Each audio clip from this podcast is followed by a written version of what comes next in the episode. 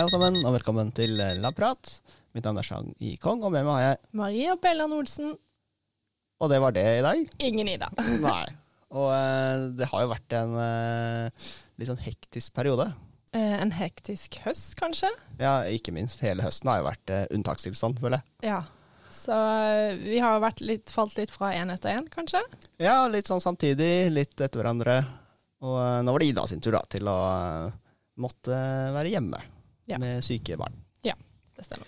Men eh, sånn er det. Men er hyggelig at du er tilbake, Maria. Hvordan går det med deg? Eh, jo, det går eh, litt bedre. Ja, Hva var det som skjedde, egentlig? Eh, nei, jeg slo jo hodet Ja, i eh, Det var i en dans, da. Med, i en dans. Ja, med Ja. niesa mi. Så jeg fikk, jeg fikk, eh, fikk henne i hodet eh, i en litt, eh, et litt eksplosivt hopp. Ok. Ja, vi skulle egentlig gjøre noe jeg, tror du, Vi hadde vel sett for oss at det skulle være noe veldig elegant og vakkert, men det ble ikke det. Nei, det er sant. Så nei, det, det, er, det er rart Ja. å være så fjern i hodet. Men det er hyggelig å ha deg tilbake igjen eh, nå, så vi får prøve oss på en episode uten Ida i dag. Ja. Eh, og så må vi bare si at vi sender fra Institutt for indremedisinsk forskning ved Oslo universitetssykehus, Rikshospitalet, som vanlig. Men i et litt sånn provisorisk kontor også, fordi alt er jo booka til eksamener og alt mulig annet rart folk skal drive med på sykehuset. ja. Vi var vel også snille å gi fra oss studioet vårt i dag, for noen virkelig trengte det. Ja. Så, så vi sitter på kontoret ditt, Chang. Ja, her er det jo ryddig, som du ser. Ja, absolutt. Det er i hvert fall ryddigere enn hos meg. Ja, men dere er tre, da. Jeg sitter jo tross alt bare med én annen eh, Ja. kontor... eh, Ja, det er sant. Nabo. Jeg syns det er hyggelig. jeg. Ja, tusen takk. Jeg har liksom pleid å gå innom kontoret ditt for å stjele en tyggis, for du har en sånn tyggisboks. Stemmer det? Stemmer Ja, men jeg har vært og kjøpt meg min egen. Mm. Så hvis du vil, så så kan du få komme inn og stjele en tyggis av meg iblant. Ja, men det tilbudet skal jeg, skal jeg slå til på uh, ved behov. Men selv om det har vært travelt, Maria, så eh, har det jo skjedd ting på instituttet og på jobb eh, likevel. Eh, ja. Vi har jo sendt eh, to eh, stipendiater eh, ut i det fri, holdt på å si. ja, det stemmer. Dessverre så har jeg ikke fått med meg det, da, for jeg var hjemme. Men Mm. dere andre har kosa dere med, med disputas. Ja, jeg fikk med meg én av dem. Og du gjorde det, Ja. ja? Var sykdom på den andre? Ja, stemmer det. Ja, ikke sant. Men det er jo en, to disputaser og mm, disputasfest, som Ja. er jo veldig morsomt for forskningsgruppa. Mm. eh, Camilla Huse var jo her som gjest eh, forrige episode. Og så har vi også sendt av gårde Tom Rune Karlsen som en eh, blodfersk eh, ph.d. Men så har vi også eh, fått inn litt penger Ja, litt, litt driftsmidler. mm, til Ja. forskningen vår. Ja, det er jo veldig Det trenger vi jo absolutt. Ja, fra både Blix fond, Oddfellow, Nasjonalforeningen og Fondstiftelsen. Bra. Så det er jo eh, flere på vår gruppe som har eh, fått inn litt eh, driftsmidler til å drive forskning for. Ja, litt ulike prosjekter. Mm. Og ja, jeg var veldig fornøyd, for jeg fikk også litt min eh, kvinnehelseforskning. Ja, så det blir mer kvinnehelse framover, da. Absolutt. Det blir spennende. Men det, det ryktes om at det kommer noen sånn kvinnehelserelaterte episoder, Maria. Det, hvordan ligger vi an? Eh, jo, jeg har jo det eneste jeg har kunnet gjøre i Ja, mens jeg har vært sykemeldt, da. Så får man jo sånn skjermforbud og alt det her. Men jeg har fått lov å høre på podkast. Ja. Så jeg har hørt på litt forskjellige podkaster som kan inspirere oss til eh, andre episoder. Og mm, det er nok litt kvinnehelse som kommer da, ja. Dette blir jo sannsynligvis uh, siste episode vi slipper uh, før jul. Uh, og da tenkte vi at vi skulle gjøre noe litt koselig, Maria. Mm, Det stemmer, for vi har gått gjennom eh, noen av spørsmålene som vi har fått inn. Ja, og det er veldig mange morsomme spørsmål, eh, som, og den lista er altfor lang til at vi kan ta alle spørsmålene i dag. Men vi har funnet et lite utvalg vi tror vi kan eh, snakke litt rundt. Ja, for vi tok vel noen som vi følte passa litt sammen. Ja, Det blir litt spørsmål rundt hjertet. ja litt sånn tematisk eh, sammenheng, rett og slett. Ja, rett og slett. Mm. Ja. De her spørsmålene har vi jo da fått Noen kommer fra den gangen vi var på Teknisk museum, Mm. mens andre er vel spørsmål som vi har fått tilsendt Ja, i løpet av sesongen. på mailen. Uh, ja, og på sosiale medier. Ja. Ok, da tar vi første spørsmål. Ja, jeg Og det kommer fra Jasmin. Mhm. Og kommer vi til å kunne lage et robot... Robothjerte? Sa jeg det riktig nå? Robot? Ja, eh, det er vel laget allerede, så vidt jeg vet. Ja, vi har jo flere varianter, Mm. faktisk. Um, og en ting som jeg vet er mye brukt, da. Mm. Um, hvis du har et sviktende hjerte og venter, og det ikke klarer å pumpe selv, og du kanskje venter på å få en transplantasjon, Mm. så kan man få noe som heter Elvad, Mm.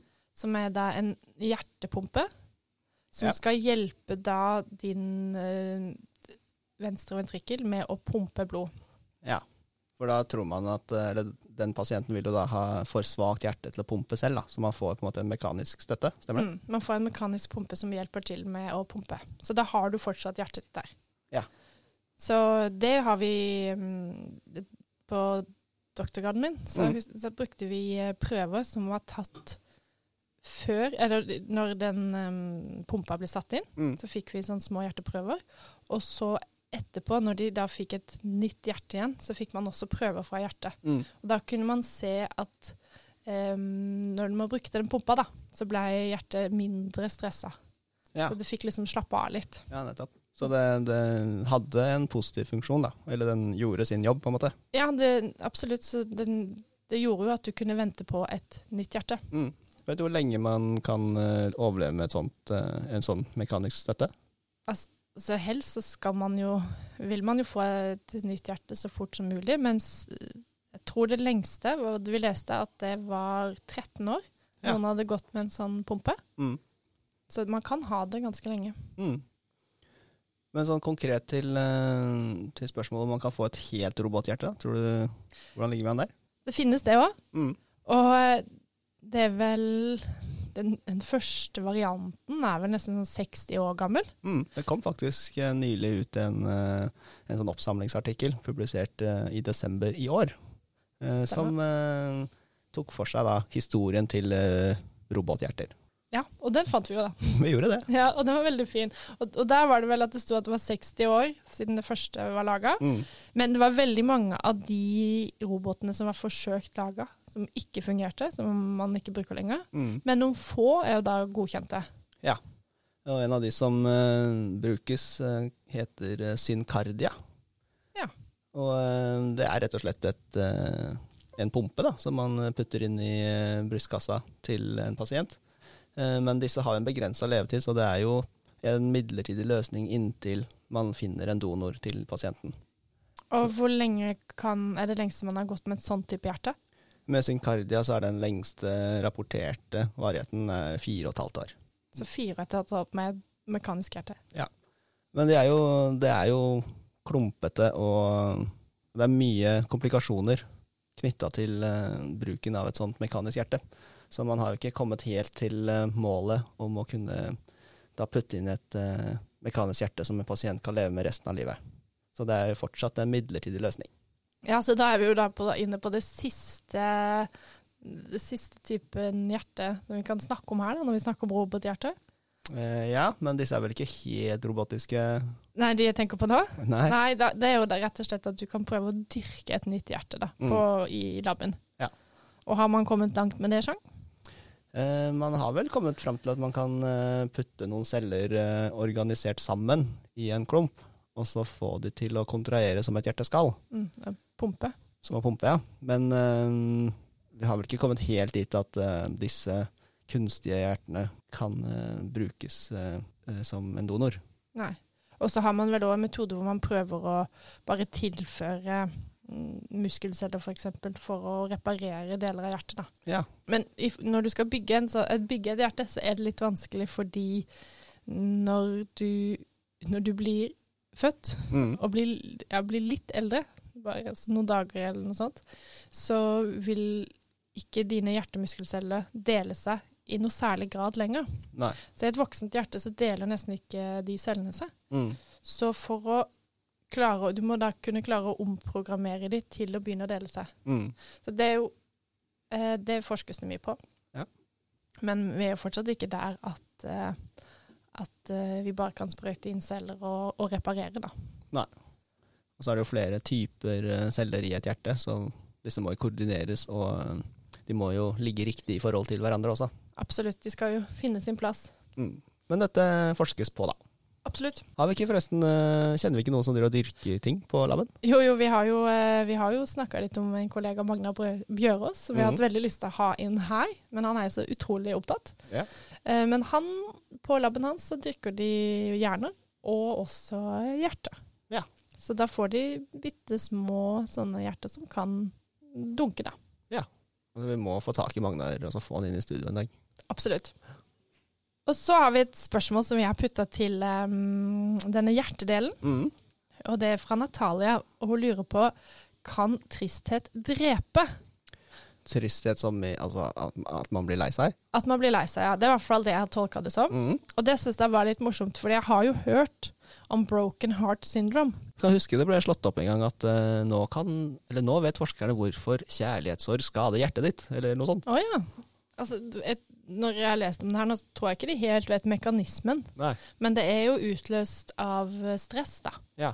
Så det, det har jo det her syndromet har mange navn. Det heter broken heart syndrome. Mm. Det var japanske forskere som før, først fant det, så det Mm. heter da også takotsubo kardiomyopati. Ja. Og så kan det da oversatt til norsk hete apikalt, altså den nedre del av hjertet, mm. ballongsyndrom, for du får deg et sånt utvida hjerte. Ja.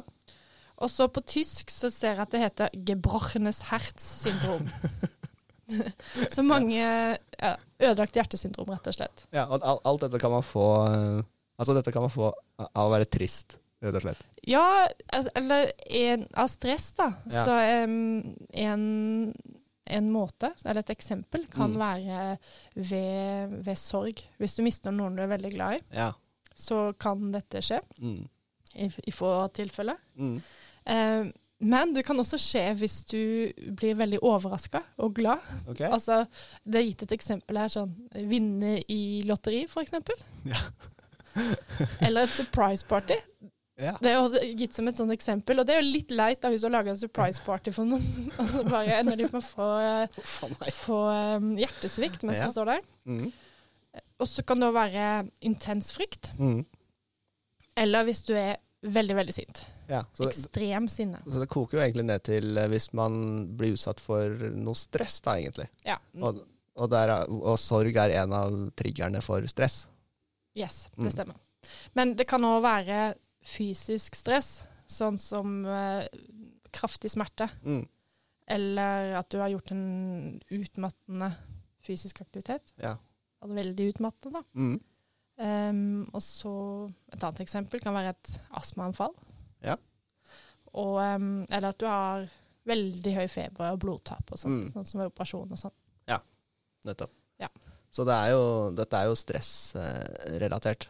Absolutt. Mm. Men, men det høres jo kulere ut at det er eh, trigget av kjærlighetssorg og sånne Ja, ting. ja, det gjør jo det. Så, men det er en av årsakene, da. Og så er det flest kvinner som får det her, Mm. um, da etter menopause. Ok. Så ehm, Men hvor vanlig er det egentlig? altså bare Hvis du ser av all hjertesykdom, Mm. så et, det er jo en mindretall av all, all hjertesykdom som Mm. skyldes det her, men jeg lurer på om så 2% sånn rundt okay. 2% av hjertesykdom skyldes det her. Ok. Men hvor farlig er det? Er det like farlig som annen eh, hjertesykdom? Eh, Vel, altså hvis du ikke får behandling, så, så kan det jo være det. Um, Ja. men, men som oftest så går det over, og, og hjertet blir helt fint igjen. Mm. Men, ehm, men ehm, fra det jeg har lest, så er det lignende ehm, dødelighet som hvis du skulle fått et hjerteinfarkt, da, hvis ikke du Ja, får behandling. Så det er jo noen som dør av det òg, ja. ok. Så vi kan konkludere med at uh, man kan dø av tristhet hvis man er veldig, veldig uheldig. Ja. Men det er jo veldig sjeldent. Veldig, veldig sjeldent. Heldigvis. Veldig, veldig sjelden.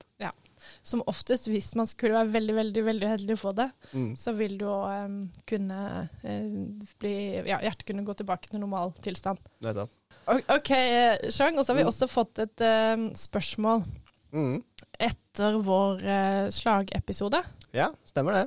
Eh, Kunne du eh, tatt det, eller? Ja, vi har eh, fått inn et eh, spørsmål via sosiale medier. Eh, og spørsmålet lyder som følger. Eh, hva tenker dere om de pasientene som bare får Dispril 300 mg som behandling og ikke trombolyse eller trombektomi, eh, som behandling da for hjerneslag? Hva har det å si for senskader, og er det forsket noe på dette?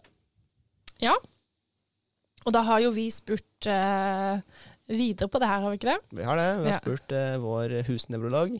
Mona Kielland. Mm. Mm.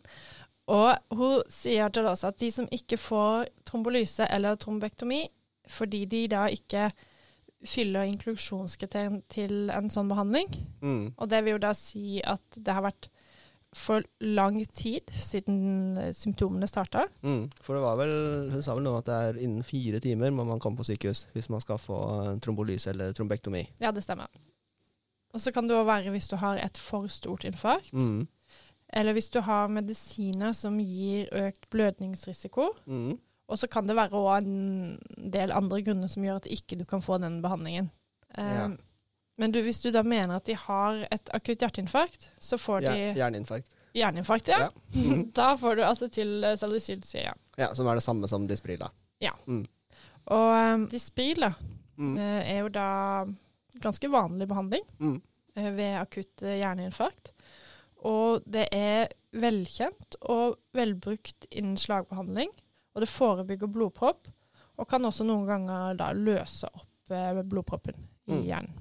Husker du, Maria, da vi snakket med Mona, og da vi hadde en sånn hjerneslag-episode, så sa hun at eh, før i tida, før man fikk trombolyse- og trombektomi-metodikken, så var jo det det eneste man kunne tilby pasientene. Det var å gi dem Dispril Mm. Og håper på at det gikk og håpe på det beste. Mm. Så, um, så sett i lys av det, så er jo trombektomi eller trombolyse en forbedret uh, behandlingsmetode enn å gi Dispril. Mm. Så, og um, de pasientene som da ikke får trombolyse eller trombektomi Ja, for hvis du har et større infarkt, mm. så vil du jo kunne ha også mer senskader etterpå. Og så må vi huske på at det å gjenopprette blodsirkulasjon er jo eneste behandling når man eh, får et hjerneslag.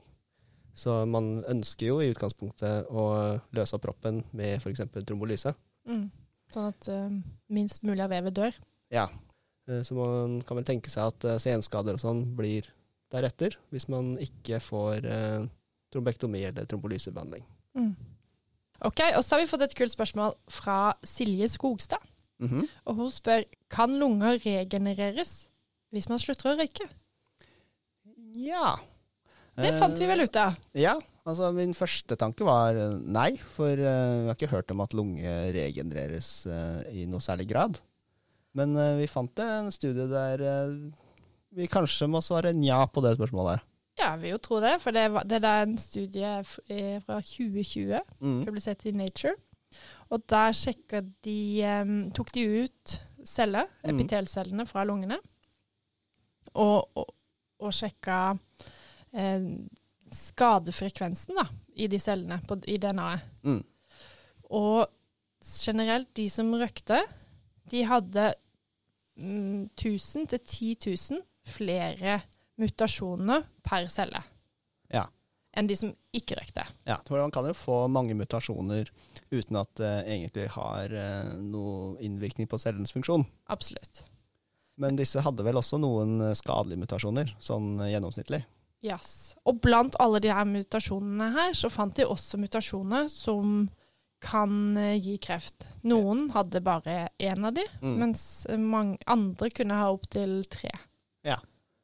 Så vi må bare påpeke at det er ikke alle mutasjoner som, som gir kreft, selv om de hadde opptil 10 000 mutasjoner, var det ikke det? Altså, det, vi får, det, det skjer mutasjoner i cellene våre hele tida, Mm. og så blir de reparert. Men jo flere mutasjoner man får, jo større er risikoen for at eh, en av disse kan eh, føre til kreft. Absolutt. Men da til spørsmålet, for det Mm. som var litt interessant, at de tok også ut um, celler Mm. fra eh, folk som hadde slutta å røyke, Ja. til lungene Mm. fra folk som hadde slutta å røyke. Og da kunne man se at de som har slutta å røyke, Mm. der kunne man finne noen celler, Mm. noen steder, da. At, at det var celler som hadde samme nivå med Mm. skade som friske som, som ikke hadde røyka. Ja, Så de hadde ikke disse 1000 til 10 000 ekstra mutasjoner som Nei, man så vi hadde ikke den opphopningen, nei. Nei. Så det de da kunne se, er at det vil fra de friske cellene, Mm. eller de med lite mutasjoner, så kan de i noen grad da dele seg, Mm. sånn at du kan få nytt, eh, lungevev. Ja. Etter du har slutta å røyke. Nettopp. Ja, Så konklusjonen, da? Eh, Det er vel kanskje fortsatt eh, nja. De blir vel ikke helt eh, sånn som vanlige lunger. Nei, det tror jeg ikke. Men du har, vil kunne få noe nytt lungevev, noe Mm. frisk lungevev, fra da uskadde celler som har mulighet til å dele seg. Ja, Og det er jo bra. Så konklusjonen er at du slutter å røyke. Det er aldri for sent. Vi har også et uh, annet spørsmål her, uh, fra en som uh, er anonym, men det er lov, det. Og spørsmålet går ut på går det an å programmere en celle. Og der er vel svaret ja. Ja. Har du noen eksempler på det, sjøl? Eh, ja, vi snakket vel kanskje litt om det da vi hadde Hanne Scholz her på besøk. Eh, at uh, f.eks. insulin, som eh, mennesker med diabetes eh, benytter seg av, de er jo produsert i bakterier. Og bakterier produserer jo vanligvis ikke insulin. Men vi eh, kan jo da putte inn genet som kode for insulin inn i en bakterie, og be den om å da spytte ut eh, insulin i bøtter og spann, som vi kan eh, bruke til eh, pasientene. Ja, Så det er én måte å programmere en selv på. Ja, Men kan man gjøre det på andre måter? Når vi snakker om programmering av celler, så tenker vi kanskje mest på redigering av gener. Altså få cella til å oppføre seg annerledes, eller eh, lage genprodukter som den vanligvis ikke hadde gjort. Og der er jo f.eks. CRISPR-teknologien en eh, relativt ny metode. Eh, der man da redigerer gener eh, i en celle, og man kan også da tilføre nye gener til eh, en celle, da, eller organisme, for den saks skyld. Ja, men jeg tenker altså Når du sier programmere celler, så kan jeg å tenke på det som man kaller sånn CAR T-cells. Ja, Det er jo en annen måte å programmere på. som ikke, Du endrer ikke noe på DNA-et. Ja, men kanskje du må fortelle litt om hva det er? Ja, det er en måte hvor du kan ta ut eh, La oss si at du har en spesiell type kreft. Mm. Så kan man ta ut immunceller fra, fra du, da. Mm. Og i celleskåla programmere de til å angripe akkurat den type kreft du har. Mm. Og så kan jeg sende de tilbake i kroppen din, Mm. og så flyr de eh, immuncellene da og dreper, eller, ja, dreper disse kreftcellene i kroppen. Ja. Og da har du jo programmert de på et vis. Mm. Det får vi altså tenke på IPS-celler, som vi har snakket om uh, i denne podkasten før også. Ja, eller hjertemuskelcellene, som vi snakka om tidligere. Ja, nettopp. Så det er mange måter å programmere en celle på. Så det kan vi absolutt gjøre. Ok, men da når vi har snakket, Nå var vi jo litt inne på kreft, da, eh, og Mhm. en kur for kreft. Ja. Men for vi har et spørsmål fra Irén. Og hvorfor har vi ikke funnet en kur for kreft? Ja. Ok, Så hvis vi tar, eh, går tilbake til de røykerne, da, Mm. og um, når vi snakker om mutasjoner, Mm. så er det jo sånn at det er utrolig mange forskjellige mutasjoner som kan oppstå. Ja. Så hva slags type kreft du får, vil jo avhenge av hvilken celle, Mm. altså i hvilket organ, Mm. og hvilken type mutasjon Mm. du, som har oppstått. Og så vil det jo òg bli flere Hvis du først har fått kreft, så kan det også oppstå flere og flere andre typer mutasjoner. Mm. Og det gjør jo at det kan bli veldig vanskelig å behandle. Mm. Det, er, det er ikke én sykdom, på en måte. Kreft. Nei, dessverre. Det er jo ikke én sykdom. Men vi bruker det jo eh, i dagligtale som en sånn fellesbetegnelse på, på mange forskjellige sykdommer, egentlig. Eh, For eksempel kreft i lungene og kreft i leveren er jo ikke det samme, selv om begge deler heter kreft. Nei. Og, og to stykker som har kreft i lungene, trenger heller ikke ha den helt samme type kreften.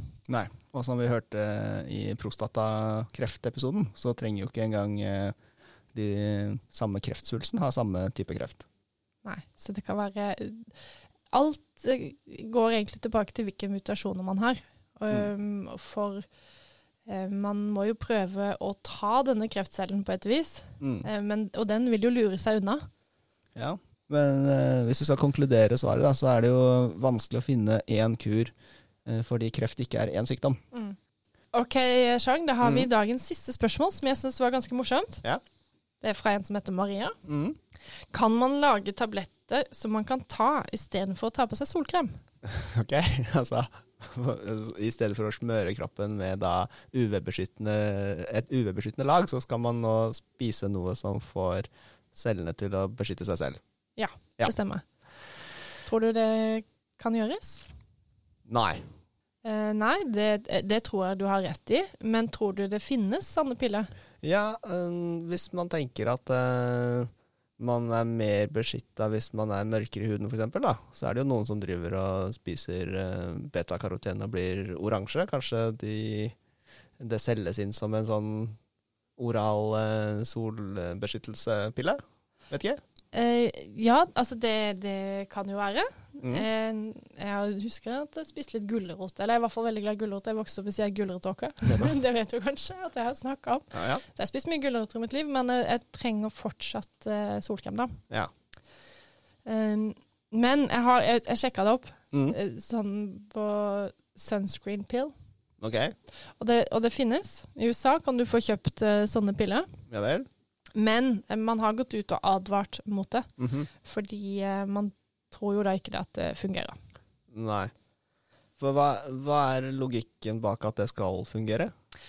Som jeg skjønte på hvert fall en av de her pillene, var vel at den skulle mm, styrke immunsystemet ditt, sånn at Mhm. du var bedre um, rustet mot å tåle UV-skade. Ja, så logikken er jo at eh, eh, hvis du tar denne pillen, så blir immunforsvaret såpass sterkt at hvis du får hudkreft, så kommer immuncellene dine og eh, tar dem. Ja, eller så må det være en måte å styrke DNA-reparasjonskapasiteten på, da. Ja. Kontra å ikke få DNA-skade til å begynne med, som man da unngår hvis man smører seg med solkrem. Ja, det er kanskje det beste. Ja. Jeg, jeg kommer i hvert fall til å fortsette med det. Og jeg vil bare sånn et lite aber på slutten her, så mm. husker jeg var på en konferanse en gang, og der var det en eh, hudforsker Ja. som hadde en sånn eh, poster. -hmm. Og da eh, Det var i forhold til rynker og noe greier. Mm. Og da spurte jeg henne da om hun, var, hun trodde om om diverse kremer og sånt hjalp for rynker, og Mm. hennes svar var vel 'don't tell my boss'. Men det eneste som faktisk hjelper, er solkrem. Ja. Så det var et lite tips på slutten der. Ja, Men vi er vel enige om at det ikke fins en pille som uh, gjør den samme jobben som solkrem? Absolutt ikke. Nei.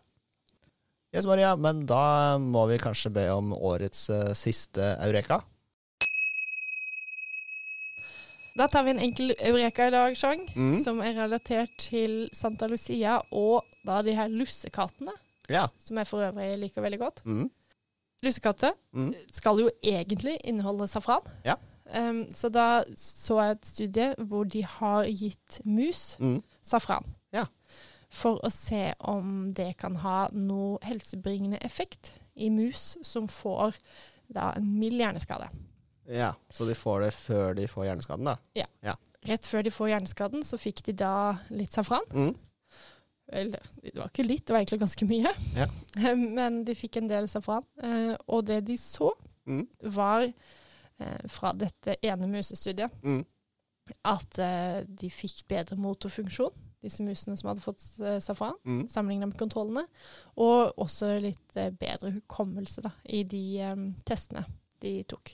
Ja, etter et hjerneslag, da. Så Ikke eh, hjerneslag, men etter hjerneskade. Ja, det stemmer. Så eh, konklusjonen er vel at du kan spise ekstra mange Lussekatter. Til, eh, ja, når det, nå, når det kommer. Nettopp. Men uh, egentlig, når jeg tenker meg om, så lager vel de fleste lussekatter med gurkemeie. Fordi Ja. safran er så dyrt. Ja, men uh, gurkemeie har en sånn antiinflammatorisk effekt, det òg. Det er jeg ganske sikker på. Ja, Hvis vi hadde søkt på det, så hadde vi sikkert funnet det.